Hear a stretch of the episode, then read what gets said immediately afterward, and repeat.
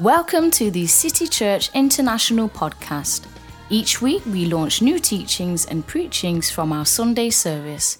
We hope it will encourage you in your relationship with Jesus and empower you in your everyday life. Raise up my voice to you. Whatever happens, you stand true. It's going to change your life forever. If you believe it, shout hallelujah. It's going to change your life forever. Forever. Forever. It doesn't matter what age you are, what stage you are, how many days you think you have on earth, this is going to change your life forever. Somebody shout hallelujah. You'll allow me to go straight in the word. The Bible says in 1 Corinthians chapter 14 and the 7th verse, even things without life, without life, even things. That means, of course, there is a main idea of the things that have life. But when he says even things, then how much more those which have life, like you and I who are breathing oxygen? You understand? You and I are breathing oxygen. We have life. We have the life uh, of, of, of humanity, and we have the life of the Spirit. We have the life which was breathed in Abraham, I'm sorry, in Adam, in the beginning in Genesis. And the Bible says, and he breathed in his nostrils the breath of life, and he became a living soul. And we, which are believers in Christ, also have that secondary life, which is the life of God called Zoe. That is the life of God which you received when you received Jesus as your Lord and Savior. You became more than just a living soul, but your spirit was activated. The first man, the Bible says, was natural, 1 Corinthians 15, and the second man was spiritual. The first man was a natural man. He breathed in the breath of life as a, the breath of humanity, the same breath that the wild animals and the living things have, whether trees or, or whatever. Anything that is living has a sort of life. But human life or animal life is different from the life of God, which you received when you raised, when you received Jesus as your Lord and Savior. How many of you understand that? Perfect. Now, here, Paul is talking about, if you were to read it in context in 1 Corinthians, he's talking about the speaking of tongues and the prophesying and the doctrine around what it is to speak in tongues and to prophesy, to speak in a known language and an unknown language, okay, of the Spirit. But more than that, in here, something was revealed to my spirit that I need to touch uh, tonight. He says, even things without life, listen, whether sorry, even things without life, giving sound, giving sound, when they make a sound, unless they make a distinction, the Bible says, in the sounds, how shall it be known? The Bible says, what is piped or played? Did you hear that? Now, if you are an English student, or if you at least you understand language to the place of basic grammar, that scripture would have sounded like even things without life, whether flute or harp, whether they make when they make a sound, unless they make a distinction in the sounds, how will it know be known what is the pipe and what is the harp, or what is played, or, or who has played? You understand what I'm saying? Who, who has understood what I just said? Let me repeat it. Unfortunately, we're using the new KJV, but if we used KJV, oh, but still, even this would make sense. Even things without life, flute or harp, when they make a sound, unless they make a distinction in sound, how will it be known what is piped or played? In normal English, if you were a grammar student, you would have corrected that language to how will it be known which is the pipe and which is the flute and which is the harp? Because if you're talking about distinctions of sound, I thought grammatically it's supposed to identify with the sound being given by whichever instrument is being blown. But yet, here, the Lord's purpose and intent is to the end of what is piped and which is not the pipe, and what is fluted and not necessarily which is the flute, and what is harped and not necessarily what is the harp. If you've understood, put up your hands.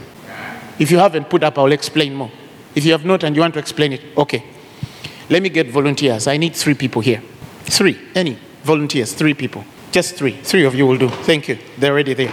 Now stand here. Now let's imagine. yes, thank you. Are you watching? Let's imagine he's a harp, right? Let's imagine he's a flute, right? And let's imagine he's a guitar, right? So this is guitar and this is flute, and this is harp. Now, how do you know that something is a harp if you're not seeing it? The sound. You see? Now, if we were following this English here, even the things without life, whether flute or harp, whether flute or harp, or cymbal or guitar, right? When they make a sound, unless they make a distinctive sound, right? Again, it goes back to the first question I asked how will it be known which is the harp, which is the flute, and which is the guitar?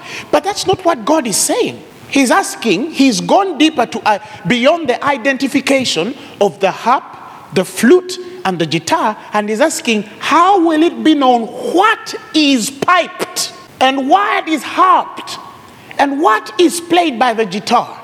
Who has understood what I just said? So, your, your, your understanding to identify the distinction between the three is their sound. But to God, God is saying that's not the distinctive mark of these three. The distinctive mark of the harp, the flute, and the guitar would be on their sound. But to God, He goes deeper to what the harp speaks, and what the flute speaks, and what the guitar speaks. Read the next verse. And the next verse says, now let's go, next verse. And it says, if the trumpet, for example, makes an uncertain sound, now he brings purpose. Who will prepare for battle? In other words, he just doesn't want the trumpet to just be blown to identify with the trumpet, but he wants the, the voice and the message behind the harp. He wants the voice and the message behind the flute. He wants to know the voice and the message behind the guitar, meaning even things that don't have sound, that distinction is not in the distinction of their sound, but it is in what they release as a message in the spirit. That's how you define the sound of the spirit. Who has understood now? Who has understood now? Oh, who hasn't understood? You've not understood? Who hasn't understood? You've all understood? Only one person? You haven't understood? Okay. In simple terms, it's not about, okay, let's deal with a choir. How do you know that someone sings, is a good singer? You'd say, because they have a nice voice. But to God, it's not the niceness of the voice that defines the worshiper. It's the spirit of the worshiper that draws the distinction. You can have a very good sound, but without the spirit of worship. You understand what I'm saying? The, the musicians of this world, the Beyoncés of this world, they have very nice voices. But that worship can't make a lame man walk. Yet they have a very good sound. They, they release a very good sound. But until this worship from your spirit comes out and the lame man walks and the blind eye sees and the tumor disappears, it has not yet had a distinction. Now you've understood? It's the same thing here that to God, it's not the distinction between the harp, the flute, and the trumpet or the guitar. It's the distinction of what the trumpet releases, what the, the flute releases, and what the harp releases. Have we understood now? You may be seated. Thank you very much. Have we understood to that level? It has taken me 15 minutes for that. Now, God is telling us here that distinctions in the spirit are not to the extent of identifying our sounds, but what is sounded in the sound. He's saying that your distinction in the spirit is not identified only in what you can do, but in the message, in the communication of the spirit with, with what in, in, in, in relation to the to purpose, in relation to divine purpose, in relation to the mandate upon your life, what you're speaking and communicating beyond the sound you're releasing. That's what they call the sound of the spirit. Now, the Bible says there are many voices in this world, and there is none without signification. But the Bible says, But if I know not the meaning of the voice, the Bible says, I make myself barbaric to him that talks me, to, to me, and, and, and he that talks to me is barbaric to me. So the one you communicate to is, unclear as you are also unclear to the one you communicate to because there's a difference between voices in the spirit and sounds in the spirit. Voices in the spirit are for communication, sounds in the spirit are for meaning in the communication. You can communicate what carries no meaning in the spirit, and that's what makes you barbaric. 1 Corinthians 14:10. For it may be many kinds of languages or sounds in the world, and none of them is without significance. The, the, the, the KJV says voices. But if I know not the meaning, the next verse, if I know, if I do not know the meaning of the language of the voice, I shall be a foreigner to him that speaks, and he that speaks to me will be a foreigner to me. Who has understood what I just said? So the voices of the Spirit are to the end that you carry communication. The language of the world is to communicate. But not all language you, because you speak the same language, it doesn't mean that you all pick the same meaning. That's why we have satire. That's why we have, uh, we have irony. People become ironic. You, you understand? They speak a statement, but they're meaning something else. That's why some, some, some people uh, uh, uh, uh, uh, can, can, can, can crack a joke in the same language. And, and, and that's why sometimes you realize that the humor of Africans is different from the humor of Europeans. There's things Africa, that are funny to Africans that are not funny to Europeans. You make a joke and you're laughing along. So, ha, what was that? You understand? And then there's also stuff that makes Europeans laugh. And when you're an African, you're like, Okay, you understand? But you don't get it. See, it's, it's language, but in the language in there is something deeper for you to carry meaning because it relates with your culture. It relates with what you relate and understand with as humor. And they might not understand it. And likewise, there's stuff with them that is funny that is not funny for you. You look and, and, and you need to play the part for it to make sense, but it doesn't make sense. Yet it's the same language. They can't say something that is supposed to be funny. You understand what I'm saying? It's even when you're dealing with people. hmm? When, when, when, when, for example, when, when you're dealing, when we, let me give you an example of Africa. Right? Let me give you an example of Africa. You'd come to your mother and tell your mother, Mommy, I want to go out of the gate. And she tells you, Go. And you know she's telling you, If I see you out there, I'll kill you. Who has understood what I just said? see you tomorrow. Go, you'll find your dinner ready. Go. She's meaning I'll not even prepare for you food. But funnily, the language is as straight as go. And you'll only be a cycle to say, ah, okay, see you. He will, they will kill you that evening. She's being ironic. You understand? So when we're growing up, I think some of you understand it that, that if a child is four years and they don't understand irony, then you have to worry about your child. At least four or five years. If you are raised in some tough families, you already know what they mean when they are not saying the, what they're really saying without really saying. So the language is speaking one thing, but the meaning is another. You understand what I'm saying? They're telling you, it's like I remember there was a time uh, when we were growing up, and, and they'll tell you, come here. And you know they're saying, come and I beat you. But come here. Forgive me. No, no, I said you just come. No, no, I'm sorry. You know, so if, if somebody's watching two people, is like, why is this kid saying sorry? Yet they're simply calling them. No, they want to clobber you. They want to beat you.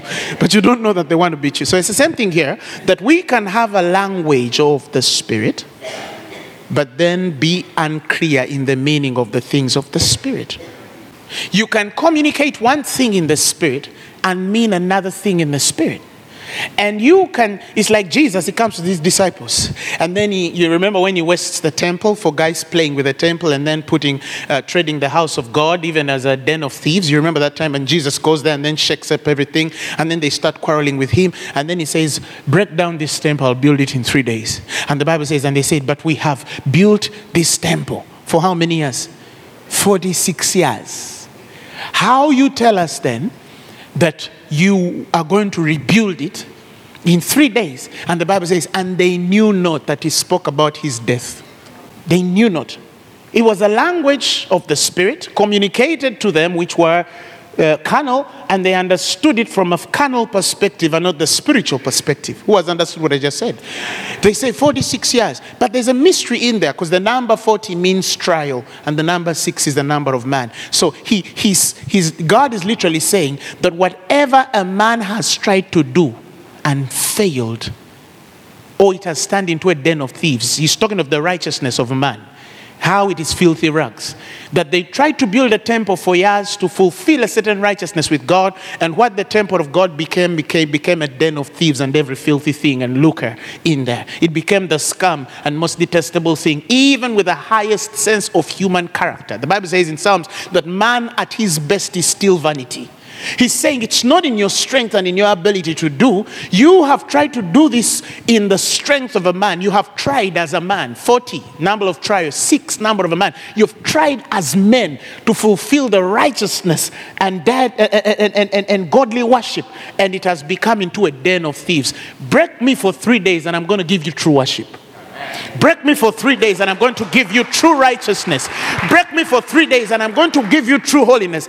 Break me for three days and I'm going to give you true strength, true ability, true wisdom, true glory, true righteousness, which comes not out of your own strength, lest you should boast, but the righteousness which is by the faith of them that believe. In Romans 3:20, for the righteousness of God has now been revealed, which is besides the law, but has been witnessed by the law and by the prophets, even the righteousness of God, which is by the faith of Christ Jesus. For all have sinned and come short of the glory of God, but they've been justified freely through the redemption which is in Christ. All have sinned. He's saying, seize your ability and yield to me, yield to my testimony, and I will give you my strength. I'll give you my ability. I'll give you my grace. I'll give you my. It's not what you do, it's what I'm doing through you. Shift your eyes from your ability and give me your attention for me to work through you. It's more of your yielding to me than your application of separating yourself from my person to perform. You understand what I'm saying? I'm not asking for your performance, I'm asking for you to yield to me. The Bible says in Proverbs that yielding pacifieth offense. There is offense that men receive when they refuse to yield to God and start working in their own ability. That's why when you embrace the love of God, it is Him loving you. You remember the disciple whom Jesus loved in the book of John? Amazingly, he was John, and it was in the book of John. Who has understood what I said? It's not in Luke, it's not in Matthew, it's not in Mark. The disciple whom Jesus loved, it's only found in the Gospel of John, and it was the John. That, that, that means it was not necessarily, he was not necessarily the Lord's most favorite. No, he, he was, it was, he, to, to the point God is trying to tell us, it was him who was more conscious of the love of the Master. Not the love for the Master, but the love of the Master. So much as somewhere around what, how much they loved him, there was this man who was more conscious of how much God loved him. So one is loving, the other is responding to love who has understood what I'm saying. And when you respond to love, you realize that even your ability to love does not come in your strength because the love you respond to works in you to love. And that's where true love comes from. It's not human love, it's not sensual, it's not temporal, it's eternal because it's in the revelation of the person of God who has understood what I just said. So, this is Him responding to the love of God. God is more interested in you responding to Him than, than, than you trying to create your own theatri- theatrical uh, righteousness for Him to look at and say, huh, you're good without me. No, no, no, no, no. Listen, without Him, you are nothing. He says, I am the vine and you are the branches. For without me, you can do nothing. Don't cut yourself from my life and think that for a moment you're going to perform without me. I am your performance, Jesus says. I am your strength. I am your righteousness. I am your ability. I am your glory. I am your sanctification. I am your redemption. I am your peace. I am your understanding. I am your revelation. I am your vision. I am your experience. I'm your lover. I'm your friend. I am who I am. Praise the Lord Jesus Christ. So it's more of how men now respond to God than how some men separate themselves from the same God and then try to act out a show to please Him in the thought that they can please Him without Him, and that is human righteousness. That's filthy in the eyes of God. And that's what these guys had done for 46 years. 40, number of trials. Six, uh, 40, number of trials. And six, the number of man. Men tried to be and then became filthy. And then the Christ is saying, break this very temple for three days. He says, I'll rebuild it again. And he's saying, but they knew not that it spoke about his death. So it's the same thing that you can receive the language and the voice of the Spirit, but carry not the meaning of the sound. You, ca- you don't sound in the Spirit because you carry no meaning. Sound is what defines meaning to the voice and the language of the Spirit. Did you understand what I'm saying? That is why, for those of you who have read uh, in Corinthians, where he speaks of how, I think it is two, where he says, And the Spirit of the Lord searches, for he knoweth the Lord, and he searches out the bottomless things of God. If you read it from the Amplified Version, he says, sounding out the bottomless things of God. The things of the Spirit are received in sounds, not voices. And if a voice can only carry meaning, then can it be a sound? Who has understood what I just said? Without meaning, it's simply a language and a voice, but with meaning, it is a sound. Some people receive languages and voices, and because they receive languages and voices, they assume that they carry the meaning of the sound that the Lord has given. So, God is not interested in identifying the distinctive harp, identifying the distinctive trumpet, identifying the distinctive flute, but he's interested in identifying the message. What is the message of the harp? What is the message of the flute? What is the message of the trumpet? Oh, he's not interested in raising another pastor. He's interested in giving a certain message in another pastor. He's not interested in raising another apostle. He's interested in the message that should come from that apostle. He's not interested in raising another prophet. He's interested in the voice of the prophet, the meaning of the voice of the prophet. He's not interested in raising another evangelist. He's interested in giving a certain distinction to the evangelist. He's not interested in raising another man or woman of God. He's interested in raising a woman of God with a certain distinctive message. There are going to be many apostles, but our Lord is bit different. When you hear me, you'll know, no, this one is different. Yes, everybody has their own distinction, but I have my own. I- You can't minister like me, and I can't minister like you, but you have a distinction too. You understand what I'm saying? You might never be able to do the way I do it. Otherwise, you're going to become a cheap copy of a great original. Hello? But you will carry a distinction that I cannot imitate except by the Spirit. So our imitations are not carnal, physical temperances or and idiocratic, idiosyncratic actions. Our imitations are spiritual. If I can only, or if you can only pick from the Spirit my communication and not simply follow my way of ministry. That's different. You can never carry that distinction in your spirit, but you can imitate from the source of my worship because that's my that's all, all of us get from God. We all share the spirit realm. There are no people which are di- different from another, and, and it should not appear even in the body of Jesus Christ that we are different. For in Christ there is neither Jew nor Gentile, neither slave nor free, neither American nor British. Hello. That's the gospel. In heaven, they're not going to get only Ugandans in one corner, then they get Chinese in one corner. No, no, no, no. Praise God. The lion will sit with the lamb. Praise God. Who has understood what I just said? So now I go to the point. Praise God. Praise God. Uh, am I clear on that? Now I'm going to go deeper. I was born and raised by a Catholic man, Roman Catholic then, which received Jesus. I led him to Christ last year. The last member to receive Jesus in my family. The rest of them are now saved. We were only waiting for that one man, and I led him to Christ last year. I was born and raised by a Roman Catholic fellow. Puritan, but not very practicing. Interesting. I mean, he was not a very practicing guy, but he could die for Mary. It's interesting reconciliation.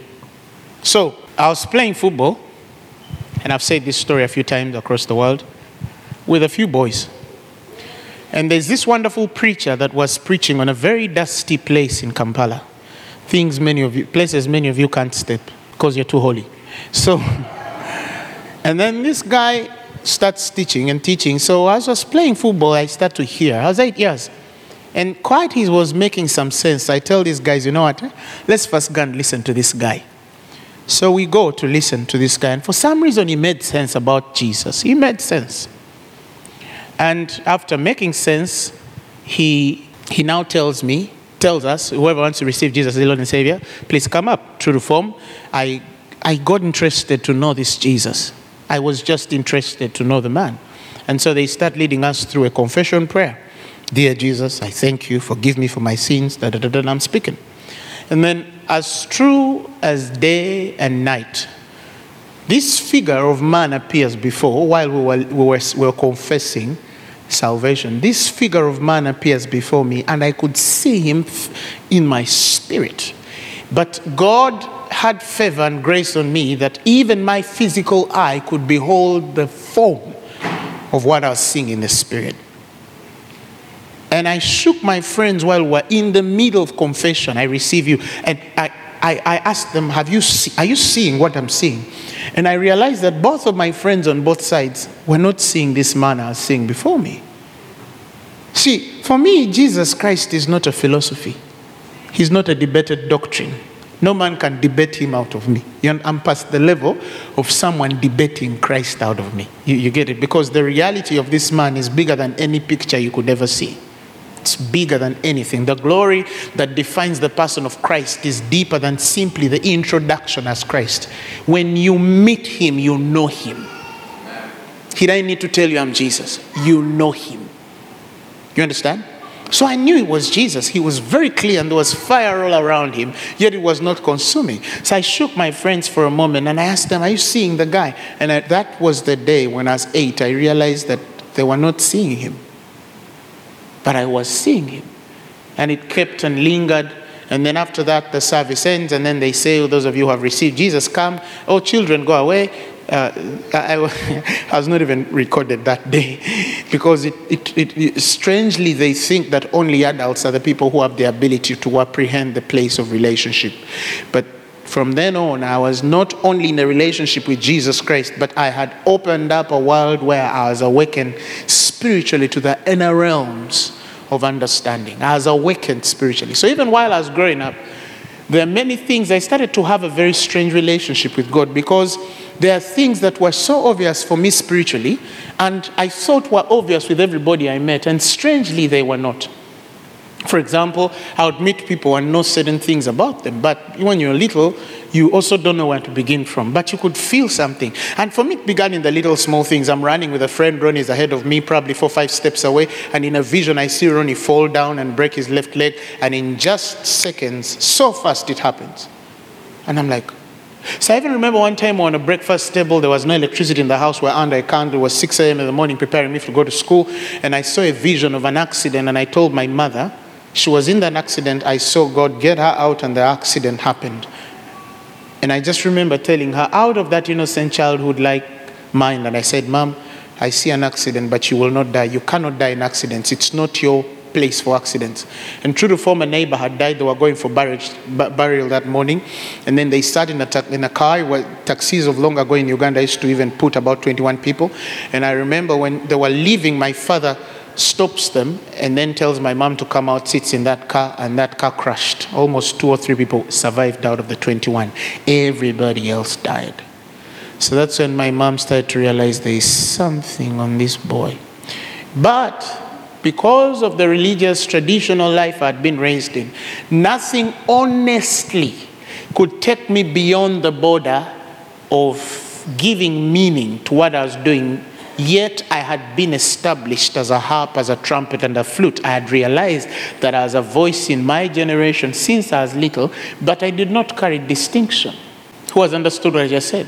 So I grew up and I realized for some reason certain things started to die out of me. And why were they dying? Because I did not have purpose for the gifting that was, at work in my life. And I tell you, since as a child, I was awake spiritually. I, someone would start speaking and I know they're lying.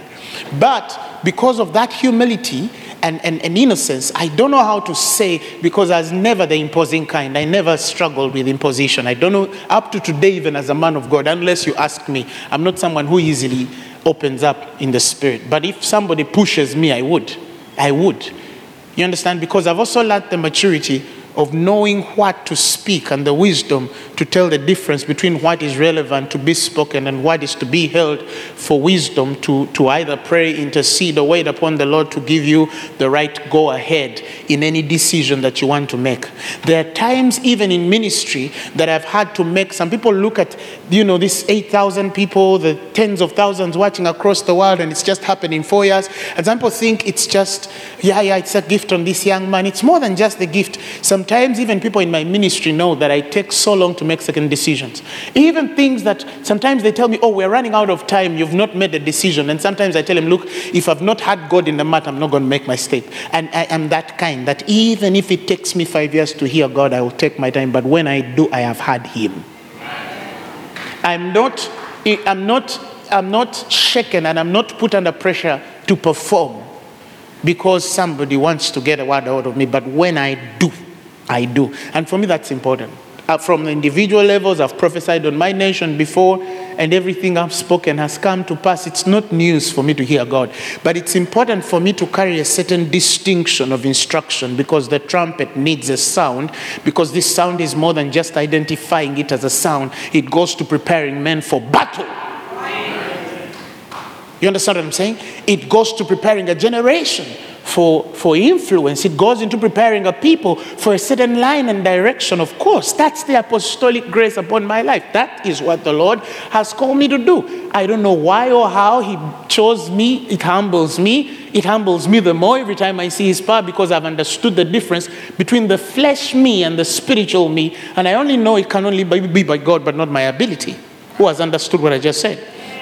Now, so many of those years, I entered ministry in my university. Great experience. I'll never forget that day. I was hit. I'd gone to, to a mountain to lead worship with a friend of mine, uh, to lead worship for a friend of mine who was preaching then. And he asked me, come and lead worship. Because me, predominantly as a worship, I never liked preaching. In fact, if I'm off the stage, I'm a very shy person, interestingly. I don't, except for my inner circle, I'm funny to my inner circle, but I don't know how, I'm, I'm, I have my level of shyness. It, but when I'm on the pulpit, I'm another man. I know. And, and, and I remember I used to love, you know, leading worship. I mean, I used to sit and back up, and sometimes I would lead. And, and because for me, the first miracle I saw was when I was worshiping. The first miracles I saw as a worshiper. And I remember even the time I transitioned into simple preaching, for me, again, what defined me mostly was a worshiper. I remember one time I, I went to a church around Tebe, and there was a woman who was both crippled, had a bow leg, and it was shorter. And so she used to walk with one uh, clutch to support the balance because the leg was shorter and bow and crooked like that. And I remember one of those days I was worshiping. Some members, even probably who are back home, have been there. A couple of them, two, three, four of them, or five of them were in that meeting many years ago. And I remember while I was worshiping, the little girl's leg grew and stepped on the ground. And the church members which were watching that stopped worshiping immediately and started screaming. At first, I paused to see what was happening. And this little girl had stood straight and she started walking like she had never been crippled and threw away her clutch. That, that was the first time I saw, those were some of the first days Thank you that I saw the power of God. So I settled in my heart, even way before that, before that, I'd started to see. I remember one time, the first time I see it, I was leading worship somewhere, and, and there was a woman which was possessed by devils, and the demon spirit started manifesting through her while I was leading worship. So I've known worship for my place of finding God. If I have any challenges, I know how to find Him. I just know how to find Him. For me, worship does it. It's my distinctive mark primarily. So I'd never planned in my head, it was never in my interest to ever stand before people. I hated people, you know, you know, observing everything about me. I just, even the thought of people looking at me, okay, what's the size of, I, I don't like that. So, and, and I was good as a worshiper. And so I'm on the mountain that day, and I'm leading uh, worship. And then a visitation comes. I, the power of God, Jesus, I'll never forget again. He came again. And from then, I've had several visitations with God that have really drawn distinctive marks. If I had time, I'll take you through some of them. And there's some, He's told me these never share until they make sense enough because there's certain things I'm waiting for. You understand? Now we've conquered Africa more. You know, the, now I, I'm waiting for certain things to hit through. And then one day when I share, some people will make sense. eh? Like Paul says, I would rather not uh, say of the things save which Christ has wrought in me to make the Gentiles obedient both in word and deed. Until God has worked certain things in you, if you explain them, certain people will think you're crazy. But I remember that particular experience. He carries my spirit out of my body. And for two, probably two and a half hours, as in the spirit. I know when Paul speaks of the third heaven, not dimension, but the third heaven, where he saw things which were not lawful to utter. I love the way the Amplified Bible says it things which the human language had not power to put into words. That means if it should be communicated, it cannot be communicated by human language. That's why he says, Unto them which are mature, we do impart this wisdom. When Paul was relating with Apollos, there are things he could not teach Apollos. He says, Of these things I have in a figure transferred unto Apollos. I could not teach, but I, I have in a figure trans, in a figure transferred unto Apollos. And I believe that that figure was a sort of impartation from the man which had experienced God into another man which was mature enough to receive things at that level. That is why at one point Paul plants and Apollos waters and God gives the increase. How do you water a man like Paul? How does Paul tell you, I went to the third heaven, I saw things which were not lawful to utter, things the human language had not power to put into words, and Apollos has the ability to articulate and read that spirit from a figure and understand what Paul means. For him now to explain to the simple, to the meek, and them which are still growing in the things of the spirit, to relate with what Paul is trying to speak. Watering such a man, which was given the grace, he says, like a wise master builder, has given the grace to lay the foundation of the gospel, and let no other foundation be laid save that which is Christ. And them which build, he says, take heed how you build, whether you build with gold, silver, wood, or hay. He says, for every work is tested by a fire, and for every that work shall be revealed by a fire. And if a man his work endures that fire, he shall receive a reward. And to whom whose whose work is burned, the Bible says, he shall be saved, but as yet one which is saved from the fire. That means that you failing in ministry doesn't mean you will not go to heaven. But also, you succeeding in ministry defines your place in heaven. In heaven, we're not going to be equal. I promise you. There is the well done, good and faithful servant. Is you have survived, just enter. the guy did every wicked thing, and then when he was on his deathbed, his daughter told him, Dad, why don't you receive Jesus? Okay, lead me. Say, Jesus, Jesus, I receive you, I receive you in my life. my life. Amen. Slits into glory. That, is not going to be equal to you which serve God. It's not possible. And, and I've heard of Christians who say, ah, for me in heaven, I'd rather be a gatekeeper. Uh-uh. I'm going to sit next to Paul. I'm going to sit next to Jesus. I told Jesus, in my father's house, there's many mansions. You don't even give, need to give me a mansion. Give me a bed near you. huh? If you don't put it near me, put, put a few people like, like, like, like who? Like Paul there, and a few friends in Uganda, people who I who I enjoy fellowship with. Hallelujah. People, when I'm standing in heaven, something happens and we give each other a high five and say, Remember? Praise God. Heaven will be fun. Heaven will be fine. I can't wait. That's why when John the Revelator saw the Christ, he says, Come quickly, Lord Jesus. Because it's beautiful. It's very beautiful. That's why people, that's why uh, somebody asked me, You're pastoring tens of thousands and you don't even walk with bodyguards. Your life is at risk. I told him, You see, the devil can't, tell, can't tempt me by killing me. And the guy asked me why. I told him because I don't fear to go to heaven. Even the devil knows. So he can't say, We are going to shoot you. He knows I don't fear to die. But you know, those ones who fear to die, they need bodyguards. You understand? Because for them, they fear to go to heaven. Me, I don't. I don't. I don't. For for me to live is Christ and to die is gain. Paul says, I'm torn betwixt as of to be in my body for thine sake, so go to go and be with the Lord, which is far better. And then, and then somebody tells me, I'll shoot you. Take me quickly. So the devil can't tempt me with death. That's another thing. You can look for another line, but not that. Praise God. Now, what I did not know happened to me that day. A few days later, I remember there was a, no, in fact, that very meeting, I remember I started entering the church and the evening services we used to have in university. And I used to go in the corner and start praying while we're all interceding, like all of you are here. And then the whole area where I'm at, the power of God hits everybody there. And then I would shift and say, hmm, maybe it's not me. And then I go in another place and the power of God hits guys there. I remember one time there was this girl who had a skin disease. I did, it happened again this last year. I'd never seen that miracle since then. It happened again last year where I saw skin disease heal immediate. I'd never seen it since 2006 or 7.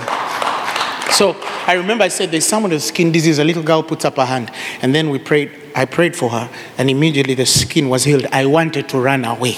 But I also needed to keep face of, yeah, yeah, it's me. I know, God, come on. This is easy. But in my heart, I was like, what in the world just happened?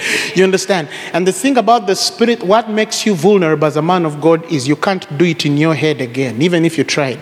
It's so led by the spirit that every time you go in the flesh to want to remanufacture it, you'll never get it quite right until God Himself orchestrates it. I think He does that to keep us humble. But more than just that visitation of experience, something happened. A few days later, the Lord told me, I was praying in my personal time of prayer. You know, that's the time I hide most. That's why, even in Uganda, if you ask people if they've ever seen me pray, very few people have seen me pray. Because I love the secret place. I love, I love the secret place. I love the secret place. I'm not a man who likes praying in public. It's, it's the one thing I hide most, like I'm taking a drug. Praise God. And the Bible says, and the Lord who sees you in secret will reward you openly. And I was in that place of worshiping and, you know, praying alone. And the Spirit of the Lord told me, from today, I've given you a distinction in the Spirit. And I said, in my head, I thought I already had it because as a Christian, chosen generation, royal priesthood.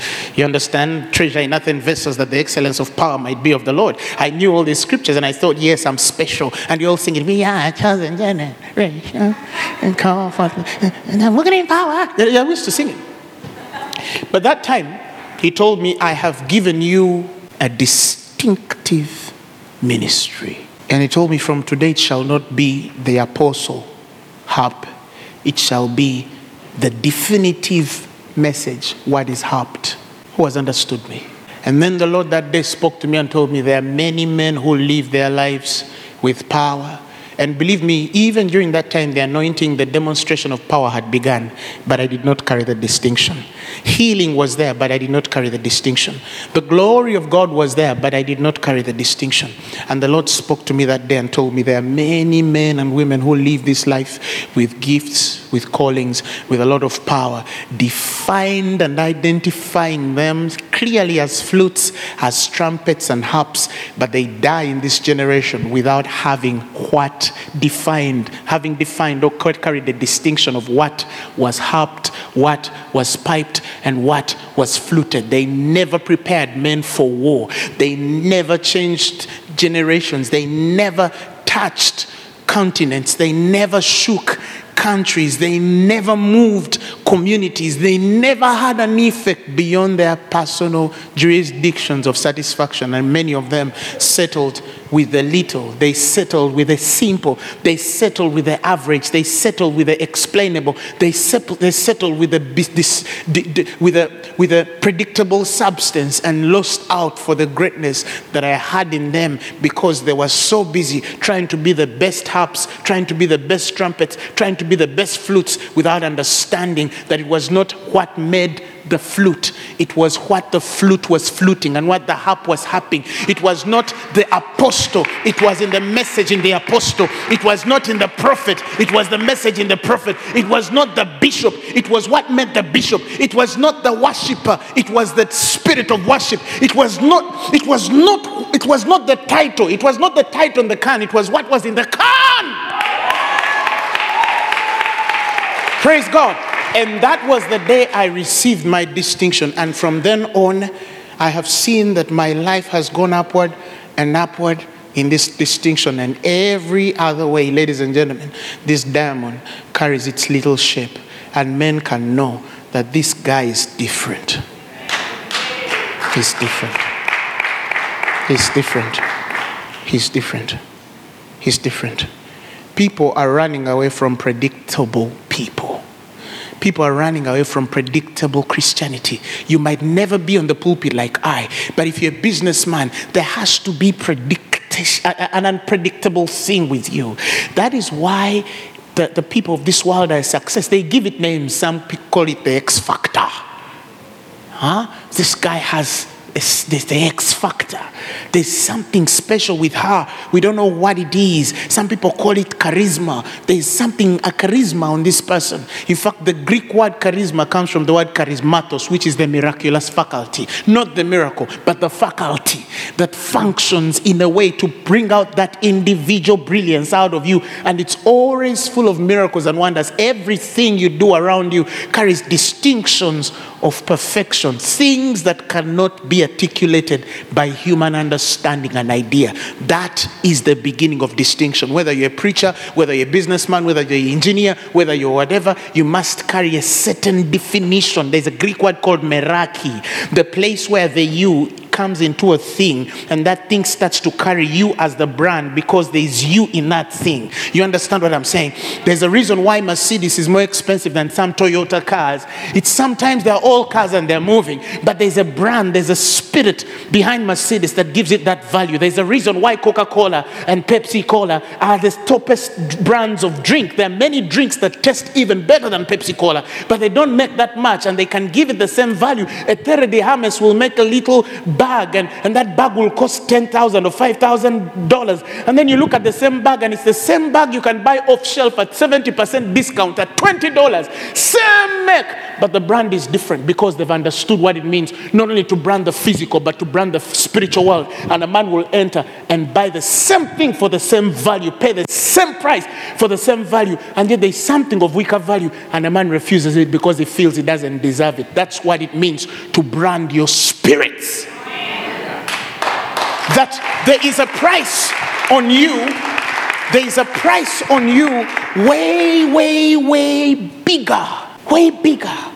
One time, as an American, a man asked me, How much can we pay you? You see, we give an honorarium to the pastors that come here, and so we want to see how much can we pay you? You know, what are you talking about? We want to see it's in the figure. I told her, I told the man, There's no amount of money you can pay Apostle Grace. I- of course, he thought I was trying to be proud. I wasn't proud. I was really trying to tell you how much can you pay for the life of the Spirit? You understand what I'm saying? And he gave me the pulpit and I preached. And after I preached, he said, This man has preached way deeper than any man that has ever asked for money to preach. And I said, That's the distinction I wanted. For him to know that when I come from Africa, I'm not coming for money. No, I'm not a poor guy. Come on, come to Africa and I'll show you. I'm not poor. And neither does that make me. The money doesn't define me. It's nothing. I could lose it and have nothing in the world. Just give me Jesus. Just, just give me Jesus. Because you understand what I'm saying? He- you have that value. He calls it treasure in earthen vessels, that the excellence of power might be of the Lord. Hallelujah. Some people are not going to walk into those, those doors until you start to appear a certain way. Praise God. Certain people are not going to walk to you until you start to appear a certain way. Certain people will not come you, for you to help for help until you start to appear a certain way in the spirit. Certain people will not come for answers from you until you carry a certain distinction in the spirit. And I remember, by God's grace, during that same time, one of the most remarkable things happened to me. I found a book, and I believe some of you have read. It's called God's Generals. Now, I shared that book with many friends after, and I was thinking that they were going to feel the same thing I felt when I read it, but I realized they never got it. And for me, since then, after the Bible, if I give a man that book and he hasn't understood this thing, I pray for them more. You understand what I'm saying? Why? Because I'll give you an example. I was reading about the generals, and I reached a lady called Aimee Semple McPherson. And I read about Wood, Maria Woodworth Etter, you remember? And I read something about Maria, and one time she was in a congregation, and she raised her little hands, and the power of God hit the whole congregation and people five kilometers away. That thing stayed on my heart. And I remember about two or three days later, somebody called me for a meeting about five kilometers from town central was Kawempe. I entered a building, a little small building. It had about 30 or 40 members. And I remember I came meditating on that. I couldn't even pray, it was too much in my spirit. And I remember that day I opened the Bible and I read the scripture. And the moment I read the scripture, the first four lines of the scripture, the power of God hit everyone in that church. I sat on the corner to wait for them to become sober so I could preach for 45 minutes and they couldn't. And the Holy Spirit told me, Go back home. And the first person sobered up after three hours. And they called me, I'm the first, and the woman told me I'm the first person to wake up. The rest was zonked in the power of God. And it kept over some for five to six hours. And that's when I knew that there is more. There is more. You understand what I'm saying? So I got so fascinated in reading about men that had drawn distinctions in their generations. And I read of the George Finney's, Charles G. Finney. That guy, one time, it's on record, one time his train was going through New York City. He wasn't praying, no. A train that was carrying George, uh, Charles G. Finney was going through New York, and the power of God hit New York. The barber who is cutting hair, the Muslim trader who is crossing just the next town to go and land a deal, the little woman carrying her child to school, the two friends were sitting over coffee discussing about a certain woman. The power of God came through New York City and hit everybody. And that man was behind what you people here is called the second great awakening. This is not revival, this is awakening. There's a difference. Do you understand what I'm saying? How could I read about that kind of man and stand no more? How could I sit in a coffee shop and stand no more when the same man with the same Bible, same tongues, and same God and prayer, the same Jesus who died for him, resides in the inside of me, and I don't even have effect to my next immediate neighbor? Do you understand what I'm saying? I read stories of how that man would lock himself up and pray for three hours and get on crusade grounds. And the power of God, before he even starts preaching, the power of God hits the whole ground of 30 or 40,000 people. And they have to stand and wait to see the wondrous works of God as bones were popping back for the cripple. And they would hear them popping meters away and miles away. I read about the A.A. Allens. I read about the, oh my goodness, I read about the Alexander Dowies. I read about the, the, the Kathryn Kuhlmans. I read, and, and, and every time I'm reading these things, I'm looking at what we call church. I'm looking at what we call worship. I'm looking at what we call the anointing. I'm looking at what we call the infill of the Holy Ghost. I'm looking at what we call power. I'm looking at what we call church. I'm looking at what we call ministry. I'm looking at what we define as glory. I'm looking at the pulpits every day that are giving testimonies of things that don't make sense. And I could not understand that. I said, God, if the church continues to be this predictable, we're going to build monuments instead of experiences. We're going to remind people of what the Lord did 2,000 years ago and how, on his way to Damascus, he opened blind eyes and will not have the very experiences in our times. And I chose. I had the choice to be normal and predictable, and I had the choice to be crazy and mad, and I chose to be crazy and mad. Whether he turns up or not, I chose to believe him. Whether he works or he doesn't, I chose to believe him. Fully persuaded that he must work, whether men see physically or not. The exercising of my spirit and my senses to discern that which was good and not, the understanding of the judgments of the spirit, the wisdom of God, the knowledge of God, to know that this is exactly what God needs for my time. And as I kept yielding to that, I started to realize the distinction became clear, and I understood that I was not called for normal ministry. But I tell you, there are gifts in this room, there are anointed men in this room that could die no more.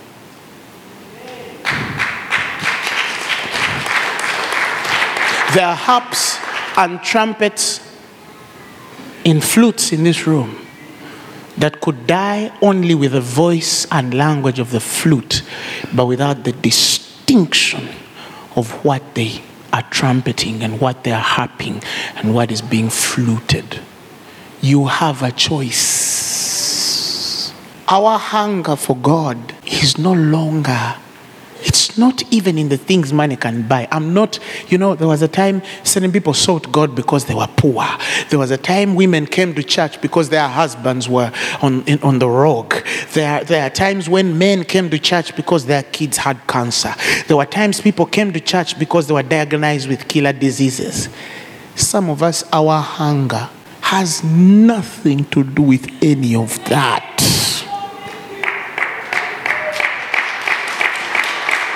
It has nothing to do with money. Nothing to do with what you can never give me. There is nothing I have wanted and hungered for every other day. Like that thing that keeps coming in my spirit telling me there is more. I'm available. I want to move. I want to walk through you. There's a thing on your life. There are things in your generation that I want to release with many men and women. They're out there. They are the elect. They are remnants. They are called by God. They might be simple. They might be normal people walking on the streets, working the same jobs as a banker for six years. I know the corporate world like nothing. As a credit analyst, as a business bank, I understood the operations and front line. Some of the things that are killing you, we did that, got t shirts, and grew up the ranks quicker. And there was still something telling us there was more. In my country, it looked impossible to have even 500 people in a weekly meeting. When I stand on those grounds and I see four, 5,000, 6,000, 7,000 people, 8,000 people, it, a, it rains sometimes and it hits them and they drip wet and they stand up to the end. You get my point? We go to crusade grounds of 20, 30,000 people, and these people serve. And I'm talking about working corporates, doctors, millionaires, multimillionaires, billionaires, and they're all on that ground serving the God of grace, Lubega. You understand? Some of you, you're immigrants in Sweden, and your little mind is around feeding your family and providing fees for your children and sending money back home to build a little building. And then you die with a few rentals, and then you go in an old people's home and probably get immigration uh, status high and high until you become citizens, and then you feel that that is the glory of God, and then you live normal lives, and then you, di- you die normal lives because you think that that's all you were created for. And you're accepting to be normal the harvest will always be plenty. The laborers will always be few.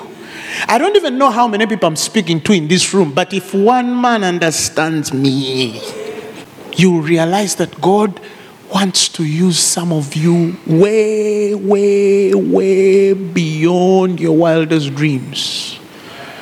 I've stood on pulpits even outside this country and stood before thousands and thousands of people. And I asked myself, what was the possibility that this Ugandan boy born in Kawempe, village in, whose village is in Masaka, Mawogola, could be standing before these thousands? And I could only hear in my spirit that there was a distinction that the Lord put upon me by His grace for His glory. Some of you are looking at Sweden and you think for a moment it can't change. Some of you look at church and think that it can only stay this way. Let me tell you, beyond the gifts, the day God enters that door a certain way, you'll realize that these places, these spaces are very small. But He doesn't want to import people to do it. You are here. It had to take men in the upper room to believe God. It doesn't mean that you're not going to be shaken and broken. No. Even the apostles at one point were shaken to distraught, and they, they were, their faith and hope was decimated. They had to lock into a room and lock themselves up and say, God, we're not asking for you to take away those that hate us and take away the persecution. Only give us boldness that we might be able to preach the gospel. It's those Europeans who were sharing with Pastor over lunch that left their farmlands and houses and families in Europe and brought the gospel on, on, on, on, on ships and sailed across oceans and came in the deepest parts to preach us the gospel. They left glory and blessing and physical inheritance to bring us the gospel. And when I see our black brothers leave Africa, taking the gospel in a more in, in, in a commercial way, with the understanding that they are coming to Europe to bring money, to get money, to be paid in kronos and euros and dollars. I don't understand it. Because these white men did not leave Europe because they were looking for money in Africa. They did not leave America because they were looking for dollars. They left what was glorious. And when Moses was full of age, the Bible says he refused to be called the son of the daughter of Pharaoh, esteeming Christ's greater riches. He chose to suffer the affliction with the children of Israel than having the pleasures that were for a moment in Egypt, for he had respect unto the recompense. That's why we don't read the Bible because we are going to preach. We read the Bible because we have a distinction. We don't pray. We, you don't come to Sunday service because you have nothing to do. You don't come for Sunday service because Sweden is playing or not playing. No, you come for Sunday service because you have a mandate on your life. You, some of you think God just brought you here to just make money. Is that all there is? You could have made it in Africa. You could have made it wherever you are. Are you hearing me? But he brought here for a purpose because he knew through this guy I can change this nation. Through this woman I can prick revival. Through this guy I can flip the unafflittable and change the unchangeable. For I can do all things through Christ, which strengthens me. But you can choose. It's not a wishful thinking. It's a decision. I know that many of you have had me, but not many of you will make this decision. But I pray that all of you do. Because living on the edge of faith, when I see people, our nation, and what is happening in Uganda, and I see the thousands which throng in every Thursday, and I remember that these were things that I meditated when I was in university.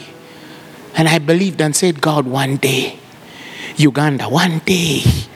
You understand? While men were asking for jobs and visas, some of us were like, God, one day, one day it will happen. One day, I don't care how, but I'll keep believing. My spirit tells me that there's a distinction, there's a mark on my spirit that has an answer for my people. And, and God could have sent you here. Me, He sent me in Uganda. You understand? But wherever you are, I always told in my spirit, and I kept telling my friends, even those times when I had about two, three people sharing, walking with me, I always told them we're going to be big someday.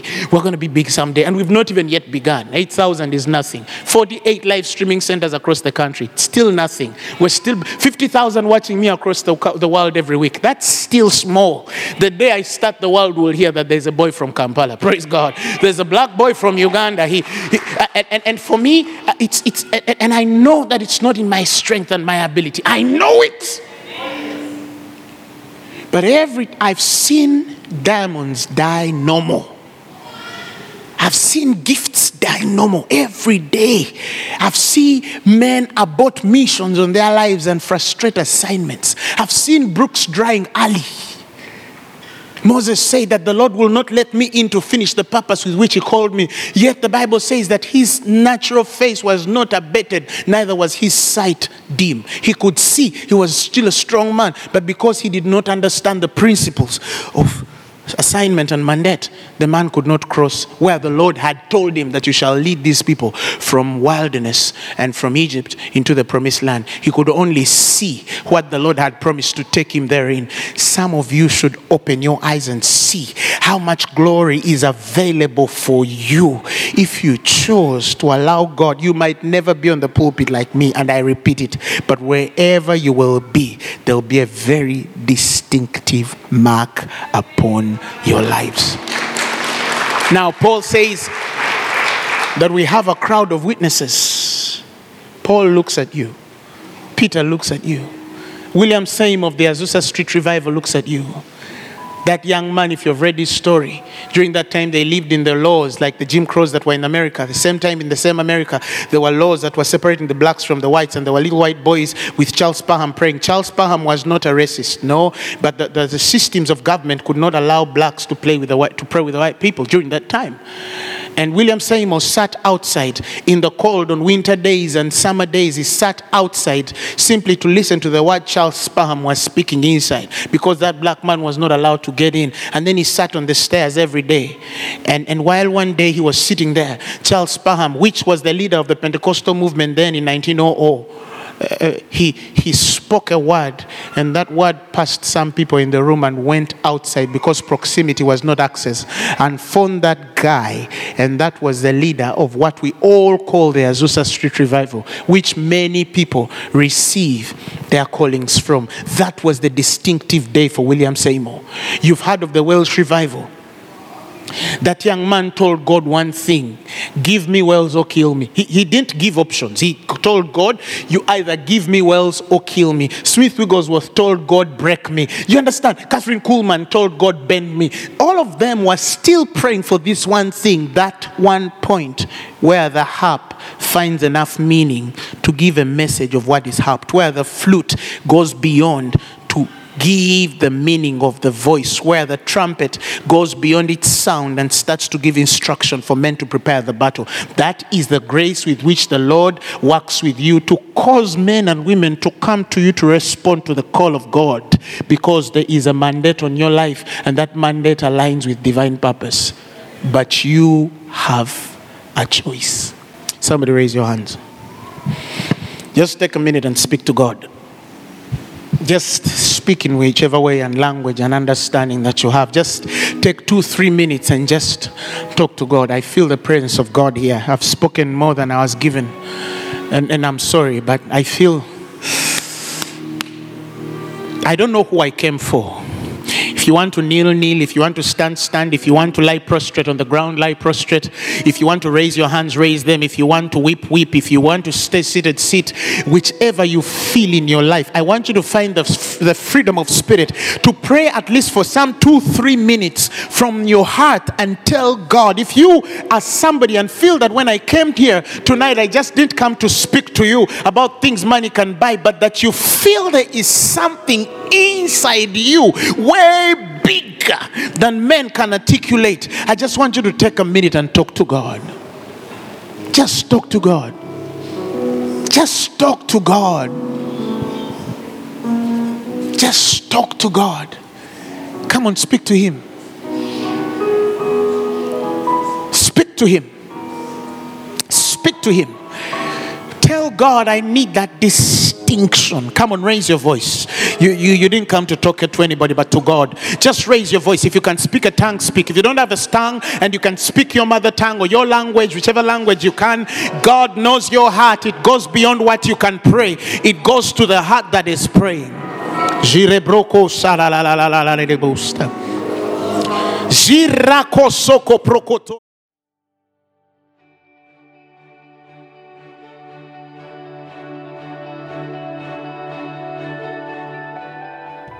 Thank you for listening. If you're in the Stockholm area, feel free to join us at our international services every Sunday at 2 pm at Adolf Fredriks Kyrkogata 10.